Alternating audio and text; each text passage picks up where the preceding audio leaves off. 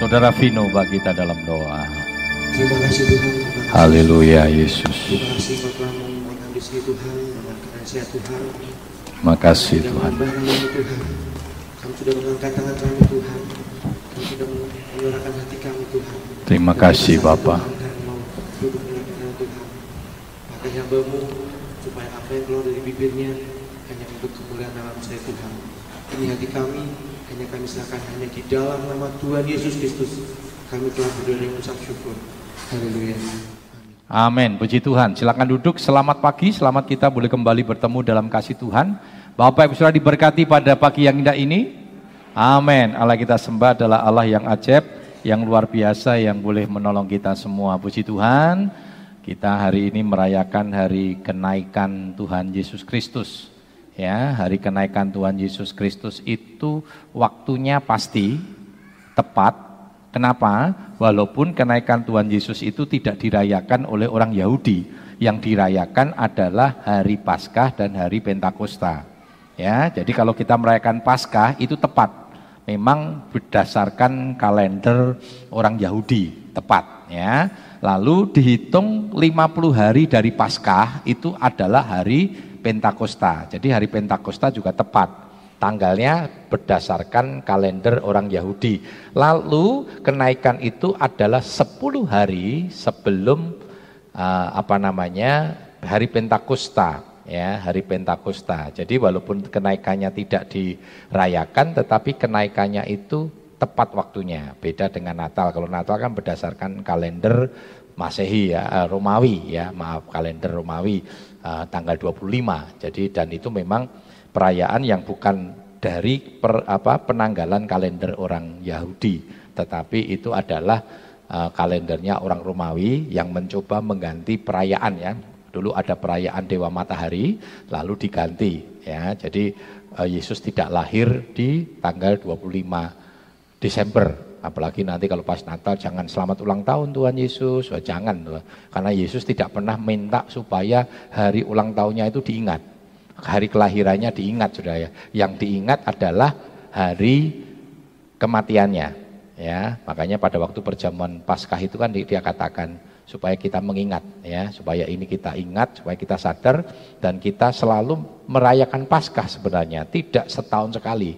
Paskah setahun sekali berdasarkan penanggalan bulan uh, penanggalan kalendernya orang Yahudi, tetapi kita merayakan Paskah setiap minggu, yaitu minggu pertama dengan perjamuan kudus. Perjamuan kudus itu sebenarnya perayaan Paskah kita. Kita mengingat ya, dan itu bervariasi. Ada beberapa gereja-gereja yang selain Pentakosta tidak merayakan setiap minggu pertama.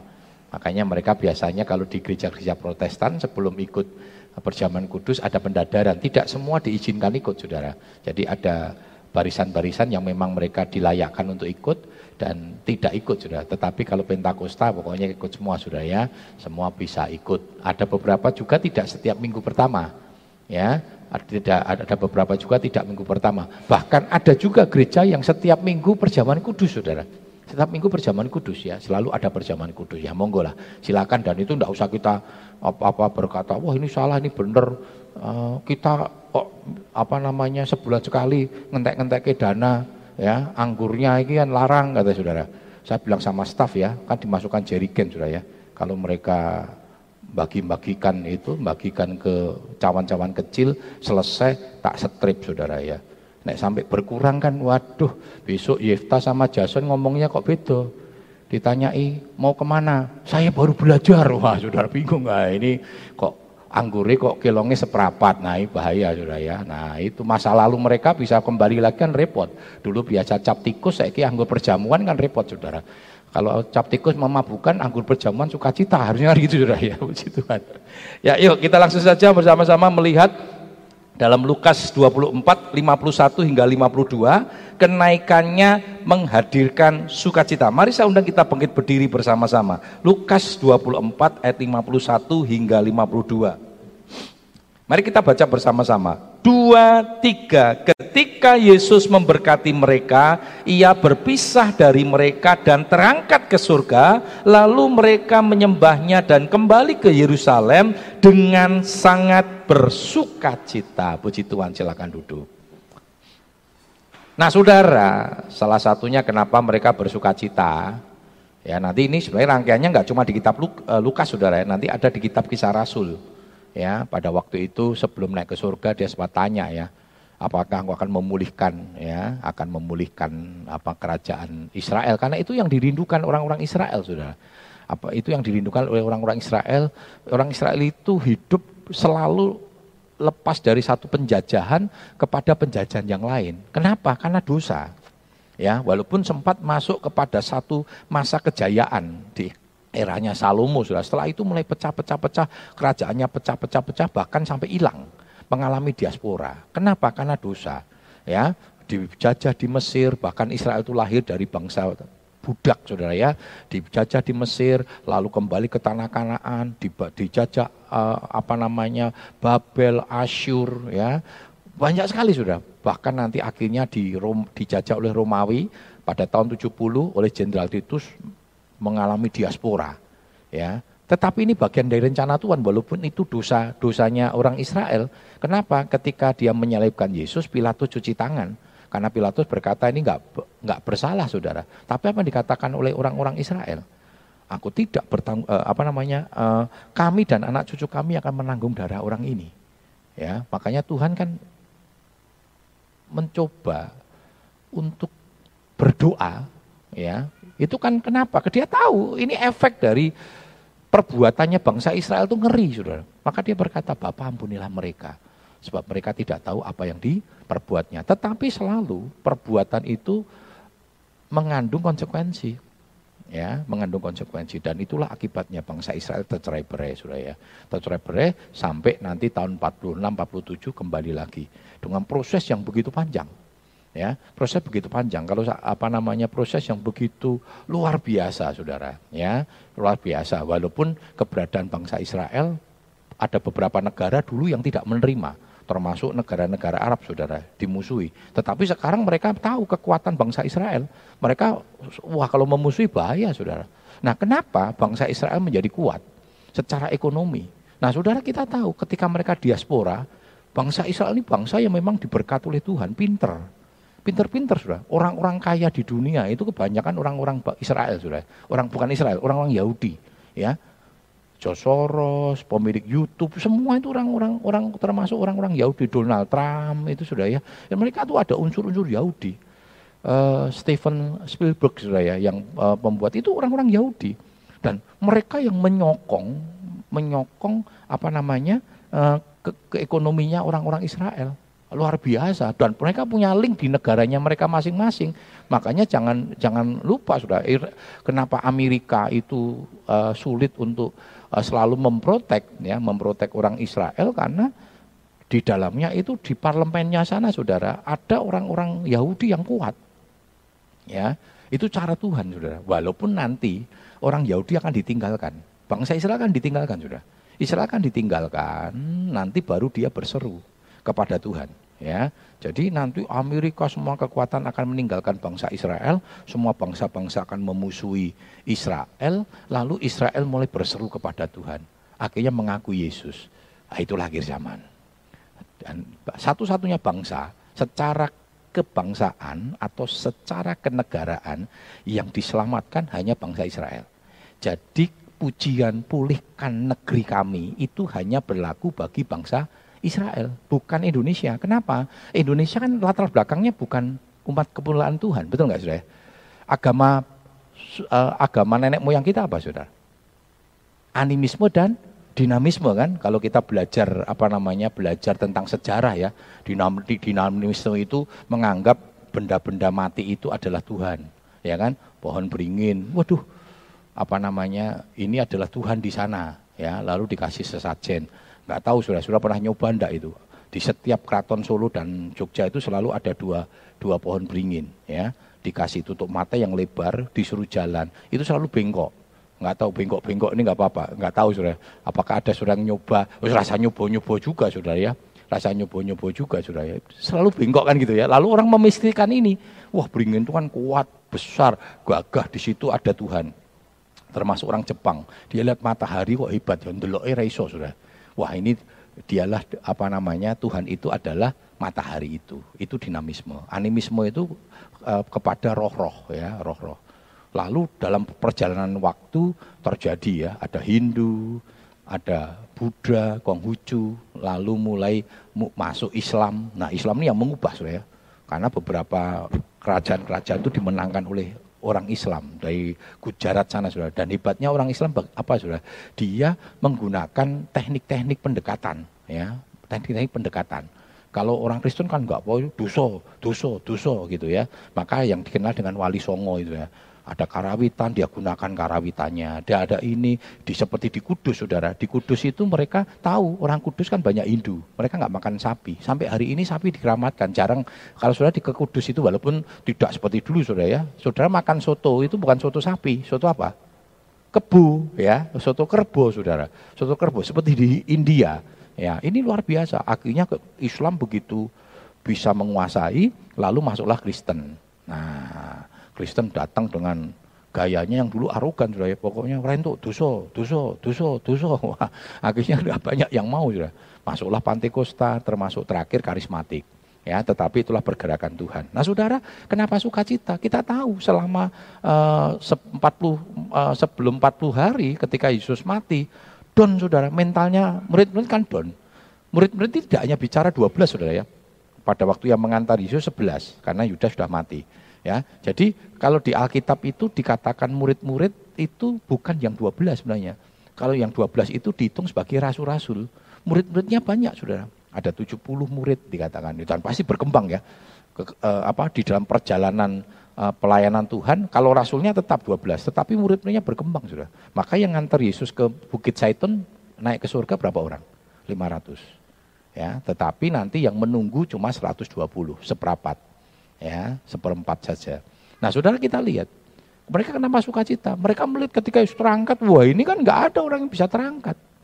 Ya, bangkit dari kematian, waduh luar biasa sudah ya. Itu menjadi mereka percaya bahwa Tuhan itu dahsyat, Tuhan itu luar biasa. Nah saudara kita lihat, apa yang membuat mereka senang dengan kenaikannya saudara?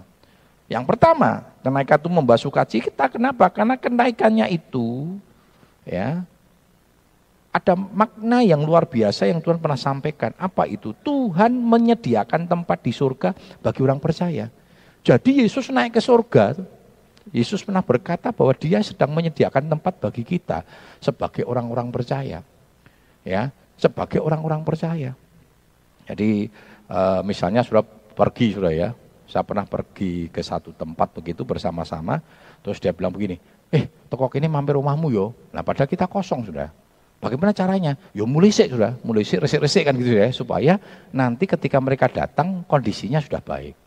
Nah Yesus pulang ke surga, kenapa? Karena mau menyiapkan tempat bagi kita. Ya, coba kita lihat dulu sama-sama dalam Yohanes pasal 16, 14 ayat 2 hingga 3. Yohanes 14 ayat 2 dan 3. Di rumah Bapakku banyaklah tempat tinggal, jika tidak demikian, tentu aku mengatakannya kepadamu, sebab aku pergi ke situ untuk menyediakan tempat bagimu. Dan apabila aku telah pergi ke situ dan telah menyediakan tempat bagimu, aku akan datang kembali dan membawa kamu ke tempatku, supaya di mana aku, di mana tempat mana aku berada, kamu pun berada. Iya. Dikatakan apa saudara? Kenapa Tuhan pulang untuk menyiapkan tempat di surga? Nah kita harus tahu dan kita harus terus mengerti dan memahami ini dan tidak boleh menyepelekan. Karena hidup ini akan berakhir. Hidup di dunia fana. Firman Tuhan katakan hidup manusia itu seperti uap. Pernah lihat uap sudah ya? Uap kira-kira berapa detik? Satu menit bisa dilihat? Gak bisa. Ya, uap itu set hilang Ya, uap kan seperti itu sudah. Apalagi uap naik masa air sudah ya. Ya, uap hilang, sebentar hilang. Ya, seperti kebakaran. Oh, itu lihat terus tidak. Uapnya itu kan uap yang baru terus sudah ya. Uap yang begitu keluar hilang baru muncul karena apinya tidak padam. Tetapi uap itu sendiri tidak bertahan lama. Ya, dikatakan seperti itu. Manusia seperti rumput, uh, semua yang hidup itu seperti rumput. Rumput itu, kenapa Tuhan katakan rumput? Karena rumput ini adalah uh, tanaman, tanaman yang uh, tidak lama, apalagi dikatakan kemuliaannya seperti bunga rumput. Bunga rumput itu mekarnya pada pagi, ya. Sudah lihat bunga rumput sudah ya, warnanya bagus ya, merah begitu, tapi nanti siang udah layu. Ya, itu bunga rumput.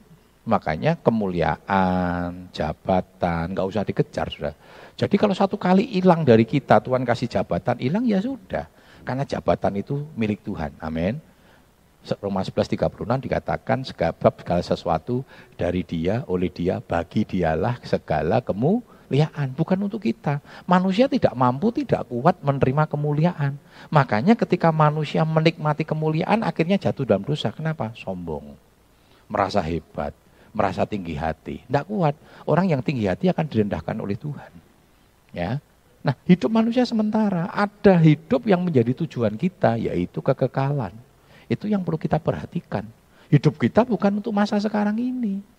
Hidup kita untuk masa kekekalan. Ya Tuhan kasih kesempatan kita hidup dalam dunia ini, manfaatkan. Dan kita nggak pernah tahu kapan uh, dunia, uh, usia kita berakhir kan. Maka selalu saya katakan jangan pernah merasa aman ketika engkau sehat karena mati itu tidak harus sakit. Jangan pernah engkau merasa aman ketika engkau masih muda. Karena mati tidak harus tua. Mati urusan Tuhan. Ya, karena itu mari kita manfaatkan semaksimal mungkin ya, se ini mungkin untuk Tuhan. Tidak ada manusia yang bisa menentukan. Kairin Anwar pernah membuat sebuah puisi ya. Aku. Ya, dulu kan belajar ya. Kalau era-era saya sudah usia saya itu pasti belajar ya tentang Kairil Anwar ya. Sekarang nggak tahu itu anak-anak mana tahu Kairil Anwar. Aku kalau sampai waktuku, ku mau hidup seribu tahun lagi, tolong puluh mati saudara. Nggak ada yang tahu. Wah apa enak, urip seribu tahun. Betul nggak saudara? Nah enak, wong Alkitab berkata 70, 80 tahun. Di atas itu kemuliaannya apa? Kesu, kesusahan. Ya, zaman Adam dan Hawa bolehlah 900 di atas 900 tahun ya. Lalu ada Metusalah dan sebagainya. Sekarang ini usia itu ada di tangan Tuhan. Tetapi nikmatilah waktumu karena ada waktu di dalam kekekalan. Itu yang paling penting. Ya. Nah, Tuhan sedang menyiapkan tempat dalam konteks kekekalan ini. Ya, Tuhan sedang menyiapkan tempat. Nah, saudara kita lihat saudara, Yesus memberikan jaminan dalam pengadilan surgawi. Dia naik ke surga, lalu selama dia dia ada di dalam dunia, dia layani kita, lalu dia memberikan solusi bagi dosa. Ya, kan Roma 6 23 dikatakan upah dosa ialah maut, kasih karunia ialah hidup yang kekal. Dan selama Yesus tidak mati untuk kita, belum ada solusi. Nah Yesus mati buat kita, itulah solusi. Kenapa? Yesus mati menebus dosa kita, menggantikan. Artinya begini saudara, konsekuensi dosa itu nggak bisa dilalukan. Tuhan nggak bisa seenak-enaknya, ya wis karena dia punya otoritas, ya wis kayak dosa apa-apa, orang mlebu orang mlebu neraka, mlebu surga nggak bisa. Fatwa yang sudah dikeluarkan oleh Allah ya tidak pernah bisa di, digantikan. Lalu bagaimana? Nah Allah sedang berhadapan dengan keputusannya sendiri, hukumnya sendiri. Yaitu Tuhan Allah turun ke dalam dunia menggantikan posisi manusia yang terhukum itu. Konsekuensi dosa itu digantikan oleh Yesus. Dia mati di kayu salib, makanya lambang Pesak atau Paskah, Pes, Pasah itu anak domba Allah itu. Darah itu selalu mengampuni. Zaman dahulu eh, penyucian itu selalu melalui darah. Ya, makanya itu menjadi lambang darah Yesus menyucikan dosa kita. Nah, itu jaminan, tetapi ada free will, ada pilihan. Apa itu? Ya percaya. Ya percayalah. Tuhan sudah mati buat kita, percayalah. Maka Yohanes 3:16 dikatakan barang siapa e, karena begitu besar kasih Allah akan dunia ini sehingga setiap orang yang percaya kepadanya tidak binasa. Itu pilihan. Setiap orang yang percaya itu pilihan. Bukan setiap orang masuk surga, tidak kan? Tetapi setiap orang yang percaya ini pilihan. Nah ketika engkau memilih percaya sama Tuhan, Tuhan kasih jaminan. Nah, ketika dia naik ke surga ini sudah menyiapkan tempat bagi orang-orang yang percaya. Sing ora percaya, ora untuk KPR, ora, ora di sana ada KPR sudah. Ora untuk jatah perumahan. Enak aja sudah ya wong ora percaya njaluk jatah. Ndak boleh Saudara, harus percaya. Coba kita lihat sama-sama dalam Ibrani 9 ayat 27. Ibrani 9 ayat 27 dan sama seperti manusia ditetapkan untuk mati hanya satu kali saja dan sesudah itu dihakimi. Iya, manusia ditetapkan mati sekali. Kita tidak percaya karena Alkitab tidak mengajarkan itu, firman Tuhan tidak mengajarkan itu tentang reinkarnasi.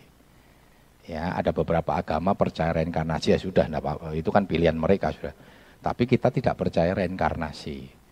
Ya, masih ingat ceritanya Sun Gokong, ya itu cerita betul sudah sebenarnya dalam konteks konteks konteks uh, agama itu memang seperti itu ya bahwa ada reinkarnasi bahkan dewa sekalipun bisa jatuh dalam dosa no Patka ini kan dewa saudara ya cuma dia mencintai putri raja dewa gitu ya raja kayangan akhirnya dihukum saudara dihukum dia harus mengalami reinkarnasi selama seribu kali dan selalu dia tidak pernah berhasil dalam hal percintaan di dunia ini.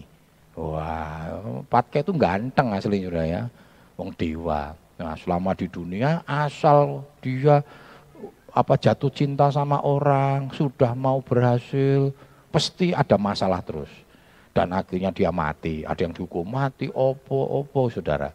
Makanya sebelum mati dia dia selalu berkata, cinta, oh cinta betapa menderitanya cinta.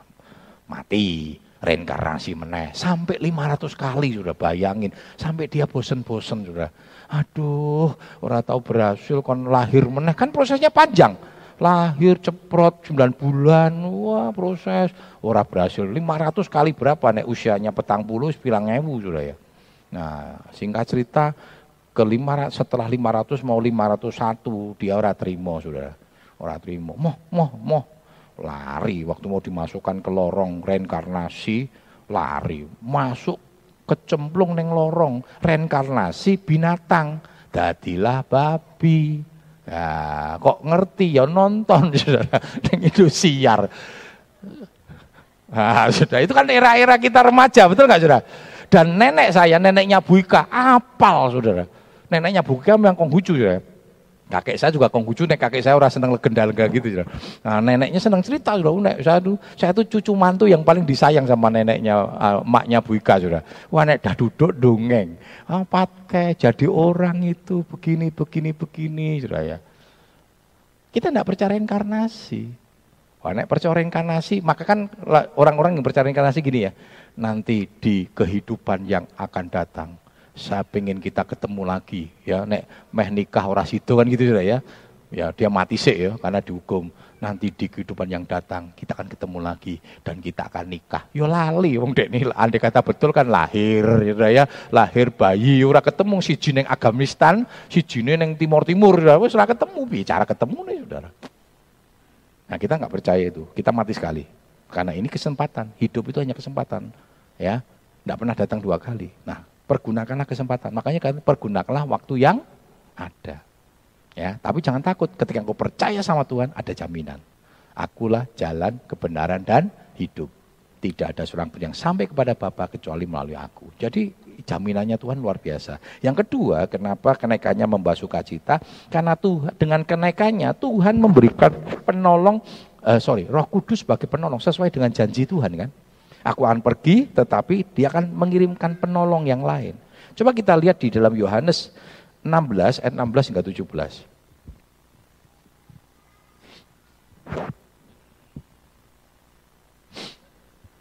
Yohanes 14 ayat 16 sampai 17. 16. 16 sampai 17. Eh, 14 ya. Yohanes 14. Aku akan minta kepada Bapa dan ia akan memberikan kepadamu seorang penolong yang lain supaya ia memenanti dia menyertai kamu selama-lamanya yaitu roh kebenaran dunia tidak dapat menerima dia sebab dunia tidak melihat dia dan tidak mengenal dia, tetapi kamu mengenal dia sebab ia menyertai kamu dan akan diam di dalam kamu. Iya, sebab dia tinggal bersamamu dan akan ada di dalam kamu. Nah, saudara dikatakan, dengan Yesus naik ke surga, Tuhan tidak membiarkan kita sebagai yatim piatu dikatakan. Aku tidak membiarkan engkau menjadi meninggalkan engkau sebagai yatim piatu, tetapi Tuhan akan menolongkan penolong yang lain. Penolong yang lain itu artinya tuh Roh Kudus itu punya posisi yang sama dengan Yesus. Nah, kita kan sering kali gini, dalam ketritunggalan Tuhan, sering kali kan kita sepertinya mem membeda-bedakan runtuh, uh, prioritasnya. Kita berpikir bahwa Tuhan Allah Allah Bapa paling tinggi, di bawahnya Allah Anak, lalu di bawahnya Allah Roh Kudus kan gitu sudah ya. Tetapi tidak. Allah Bapa, Allah Anak, Allah Roh Kudus itu satu. Satu. Ya. Dia punya kekuatan yang sama, punya posisi yang sama, mungkin job disknya pada waktu itu ya, job disknya pada waktu itu, wah Roh Kudus setelah Yesus naik, Roh Kudus yang akan, tetapi tidak, artinya ketritunggalan itu selalu bersama-sama. Ya, Allah Bapa bukan Allah Anak. Nah dulu kan ada pengajaran begini, Allah itu seperti air. Ketika dia didinginkan menjadi padat. Ketika dicairkan menjadi beku. Tidak. Allah itu Tritunggal. Nah kita kan takut ya, takut karena ada lagunya, ada orang dulu yang menciptakan lagu Allah itu tidak kawin mengawinkan. Memang Tuhan tidak kawin mengawinkan dikatakan Yesus itu anak Allah hanya dalam konteks istilah, bukan dalam konteks eksistensinya, tidak. Ya, jadi Allah Bapa bukan Allah Anak, Allah Anak bukan Allah Roh Kudus, Allah Roh Kudus bukan tentang Tritunggal sampai hari ini orang yang mudeng. Tidak ada yang membuat saya ngerti gitu. Tetapi saya bangga ya ketika saya ngajar saudara ya Nah ini agak agak agak sisi-sisinya dosen mungkin saya. Ketika saya ngajarkan Tritunggal, orang ngerti.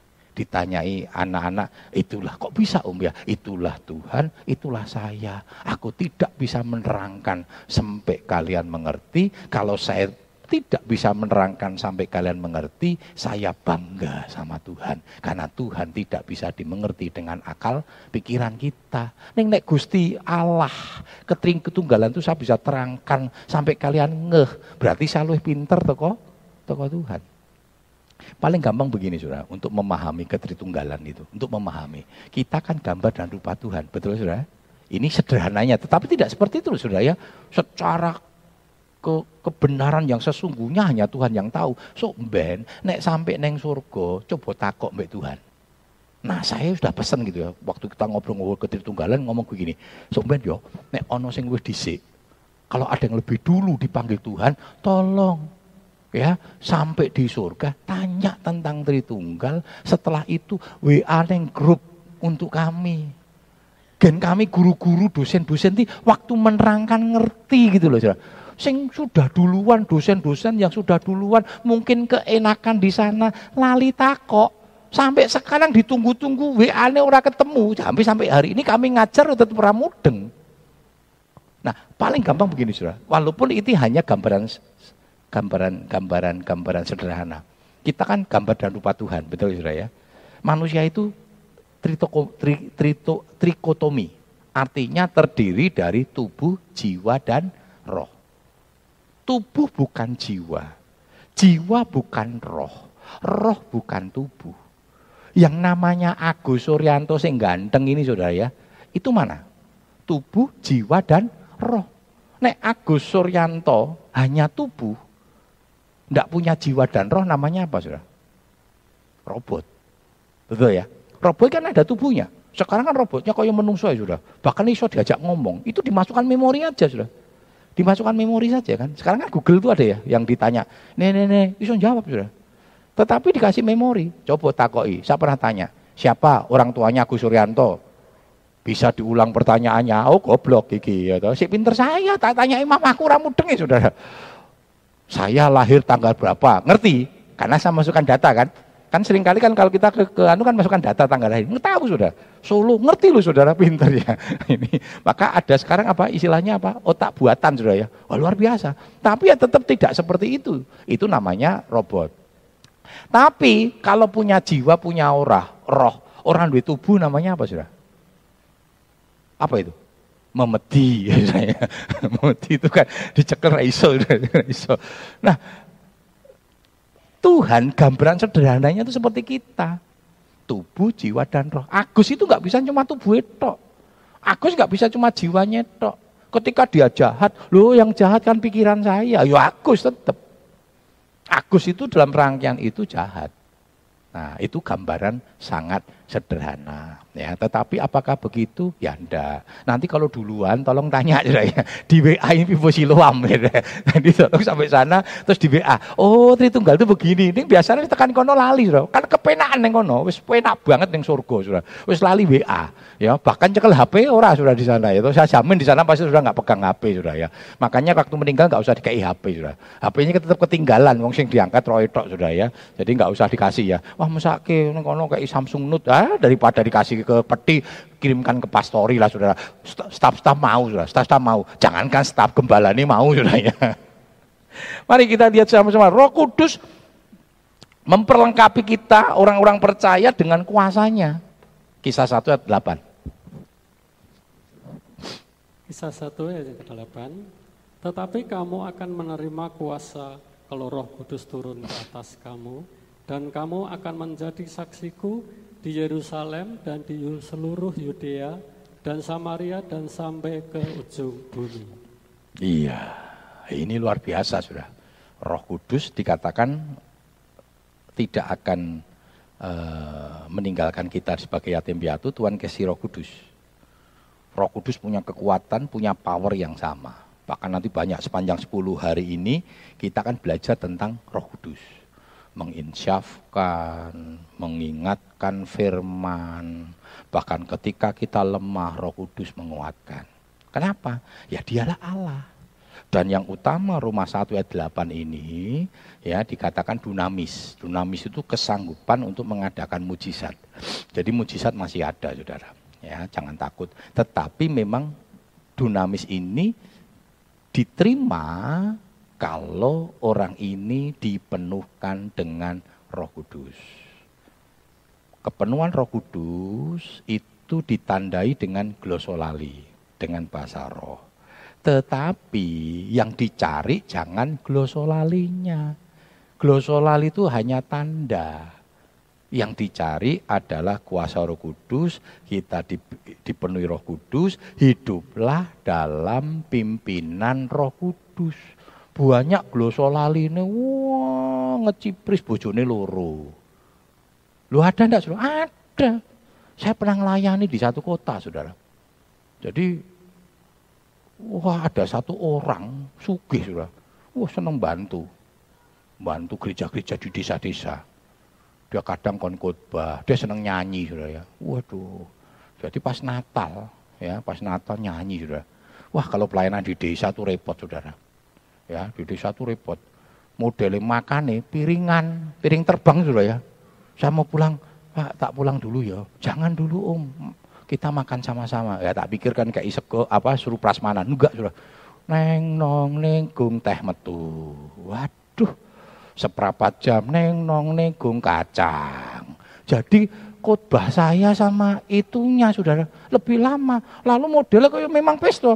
Ayo siapa yang mau nyanyi? Siapa yang mau nyanyi? Ya ampun lah, kenteni kenteni sope suwe banget saudara.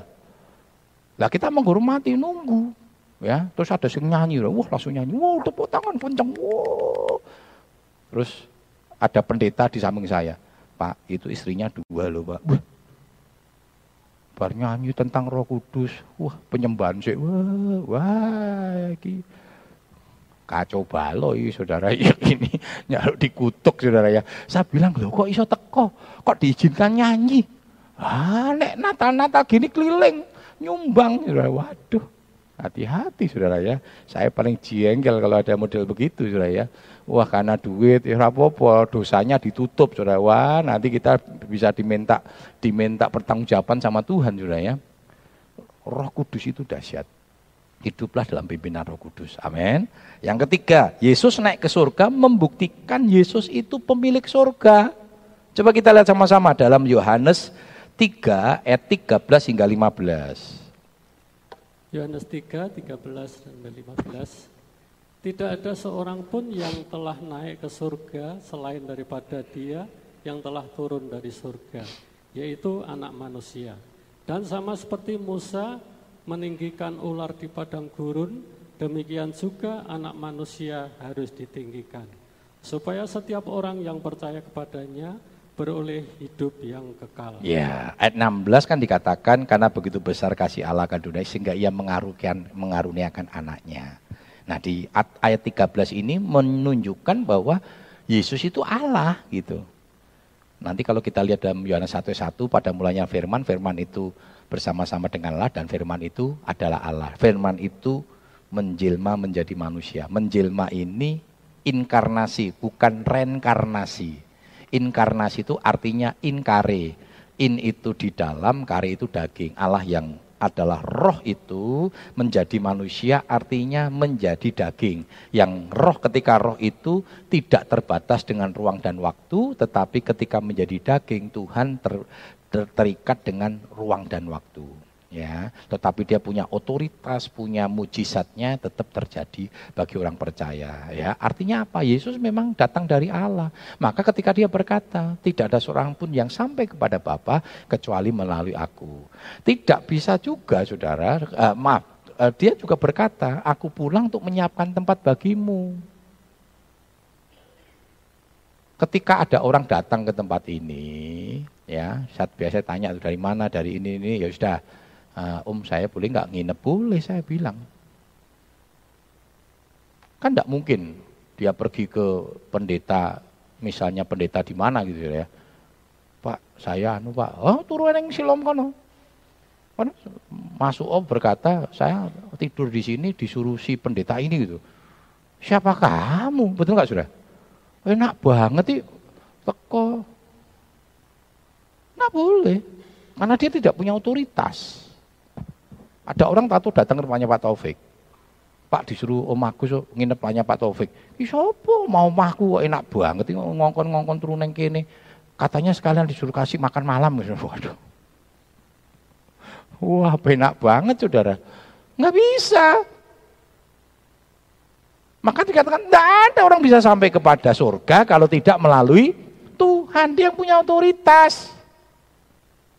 Saya bilang sama kalian, besok ya, pergi ke Istana Merdeka, Istana Presiden di Jalan Merdeka itu. Nanti kalau sampai sana, Pam Pres tanya, bilang saja, saya disuruh sama Pak Agus, pendeta saya, gembala GBD Siloam. Nah, kalian lugu saudara, tenan mangkat ya, malam-malam numpak bis tekan kono isu-isu, nanti tenang di sana dapat makan malam, sarapan minta saja itu.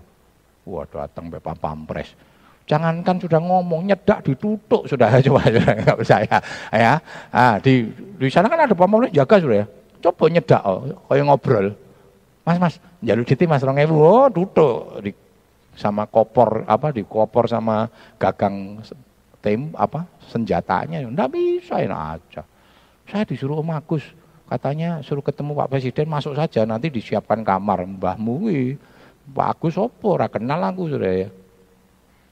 Tapi Tuhan ini pemilik surga. Tidak percaya, percaya sama malah yang bilang sing lain. Wah, percaya mbak aku ngomong mlebu surga. Wong dene surga rung tahu tekan kono. Betul nggak sih?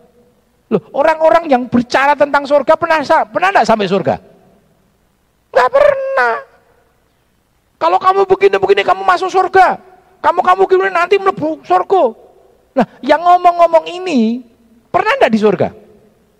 Dan yang kedua, pemilik surga bukan.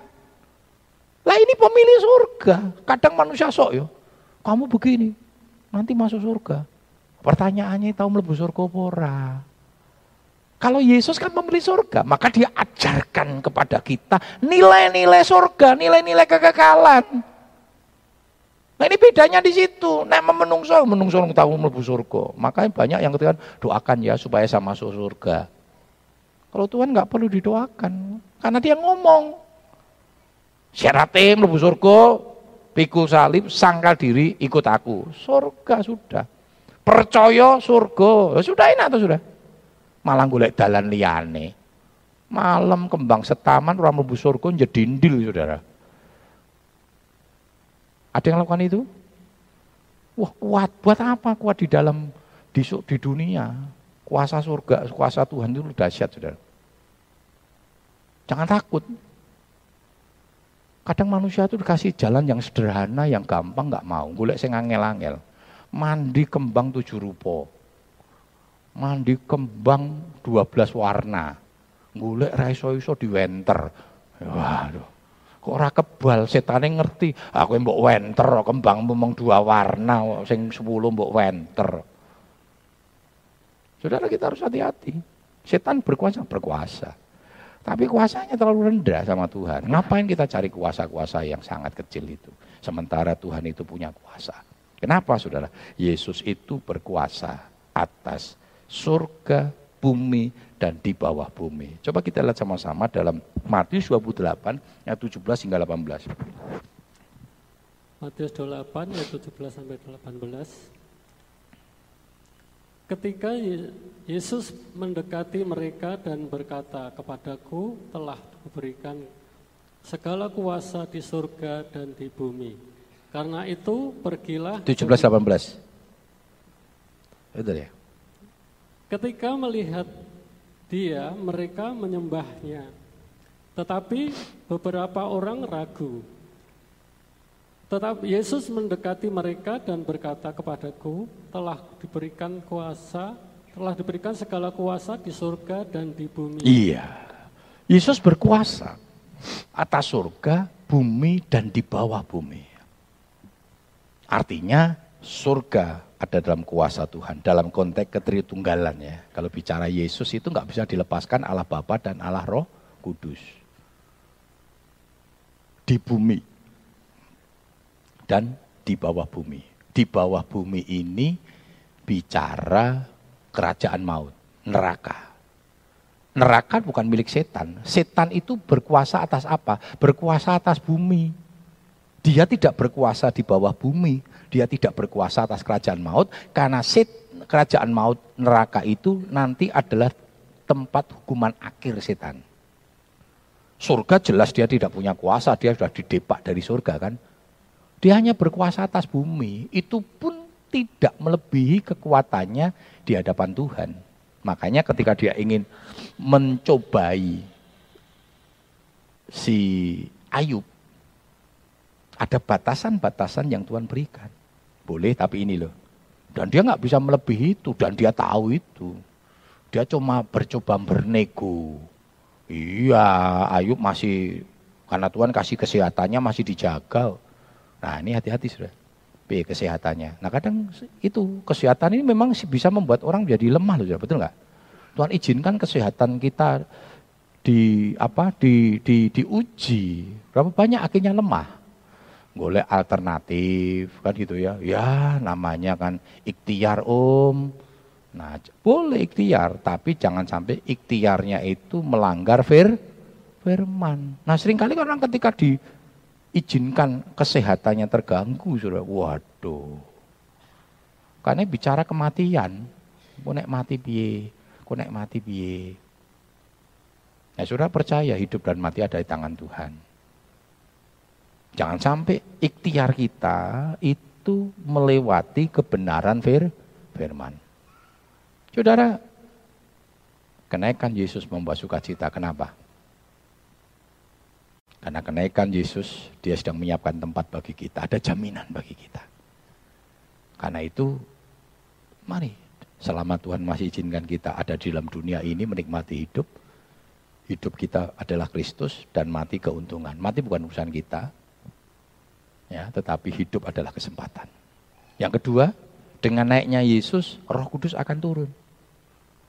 Dan Roh Kudus, manifestasi Roh Kudus itu luar biasa, sudah. Kita diberikan kemampuan untuk mengadakan mujizat, kita masih ingat, sudah. Peristiwa setelah muridnya dipenuhi Roh Kudus dahsyat sekali itu. Dan yang ketiga, kenaikan Yesus membuktikan Yesus itu pemilik surga. Dia pulang Dia siapkan tempat bagi kita dan dia berkuasa atas surga, atas bumi dan di bawah bumi. Karena itu percaya sama Tuhan, tidak usah cari kekuatan lain di luar kekuatan Tuhan. Oh hebat om, ini kekuatannya dahsyat. Ya dahsyat, siapa yang enggak? Ketika dibandingkan dengan kekuatan manusia. Ketika engkau ngilmu, cari kekuatan-kekuatan pada roh-roh gelap. Hebat enggak? Hebat. Cuma dibandingkan dengan kekuatan manusia. Tapi ketika kekuatan manusia ini dipenuhkan dengan kuasa Tuhan, nggak ada artinya. Karena itu jangan takut. Wah, usahaku dianu yang ini banyak persaingan. Banyak kompetisi-kompetisi yang nggak sehat, banyak. Tapi jangan takut. Ketika engkau hidup di dalam Tuhan, maka Tuhan akan proteksi engkau dari kompetisi-kompetisi yang nggak sehat. Amin. Jangan ini. Om, aku rumah makan kok sepi yo. Sing kono rame. Wong lewat kok ora ngerti goleki ora ngerti, pada tulisannya gede. Oh, pinter iblis tuh ya. Digawe, wah iki ono sing gawe-gawe. Kurang ajar. Kono nganggo kembang kantil. Wah, aku tak nganggo kembang matahari. Jos. Oke. Okay. meneh kembang kemangi. Oh, kemangi oh kembang. Ora ono kembange ya. Adu-aduan kembang. Akhirnya keluar kembang desa, Saudara. Wah dengan gayanya, "Mas, mangan opo, Mas?" katanya. Wah, sing mangan oke ning lanang kabeh, Saudara. Loh dulu di kota Salatiga ini terkenal ada beberapa beberapa nasi goreng. Saya pernah diajak rame banget. Kok lanang kabeh? Wah. Begitu kita tanya waktu itu kita pernah waktu masih kuliah di Salatiga, Saudara. Ya, waktu sudah pernah matan, Gus yuk mangan ning kono ning sing bayari. Yo, sego goreng enak, yo, jos. Kok rame rame sampai malam waktu makannya jam piro. Lanang kabeh sudah. Saya lupa tempatnya. Puji Tuhan lupa. Kalau ndak tak parit meneh sudah kan repot. So di jantur Mbak Bu Ika kan ya repot sudah. Mas, makan apa mas? Oh ya nasi goreng aku dasar dok iki mbak ini lebih men toh.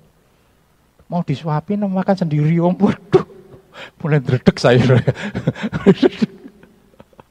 Waduh, wah makanya. Wah, do jejer-jejer, hap, hap, hap. Wah, biasanya mau melas sewu, saya ketemu sudah ya. Wah, awas ya. Kalau masih ada, terus nanti pulang jangan tanya, Om, coba diingat-ingat Om, coba diingat-ingat Om, di mana Om? Jaluk dijantur sama istri kalian ya awas ya. Ya, Terima kasih Tuhan. Terima kasih Allahku. Engkau Allah kami yang luar biasa. Engkau Allah kami yang besar. Kami bersyukur Tuhan. Kematianmu, kebangkitanmu, bahkan kenaikanmu ke surga. Membuktikan engkau adalah Allah. Engkau curahkan roh kudus untuk memperlengkapi kami, untuk kami menghadapi persoalan-persoalan yang ada di dalam dunia kami tidak takut, karena Tuhan memperlengkapi kami dengan kuasamu. Dan satu kali kelak engkau akan datang untuk membawa kami pulang ke surga. Engkau sedang menyiapkan tempat bagi kami, dan biarlah nama Tuhan boleh dipermuliakan dan diagungkan. Firmanmu memberkati kami semua. Firmanmu meneguhkan kami semua. Untuk kami senantiasa ada hidup di dalam kasih Tuhan. Terima kasih Bapa, terima kasih Allahku. Hanya di dalam nama Tuhan Yesus Kristus kami sudah berdoa. Haleluya. Amin. Puji Tuhan.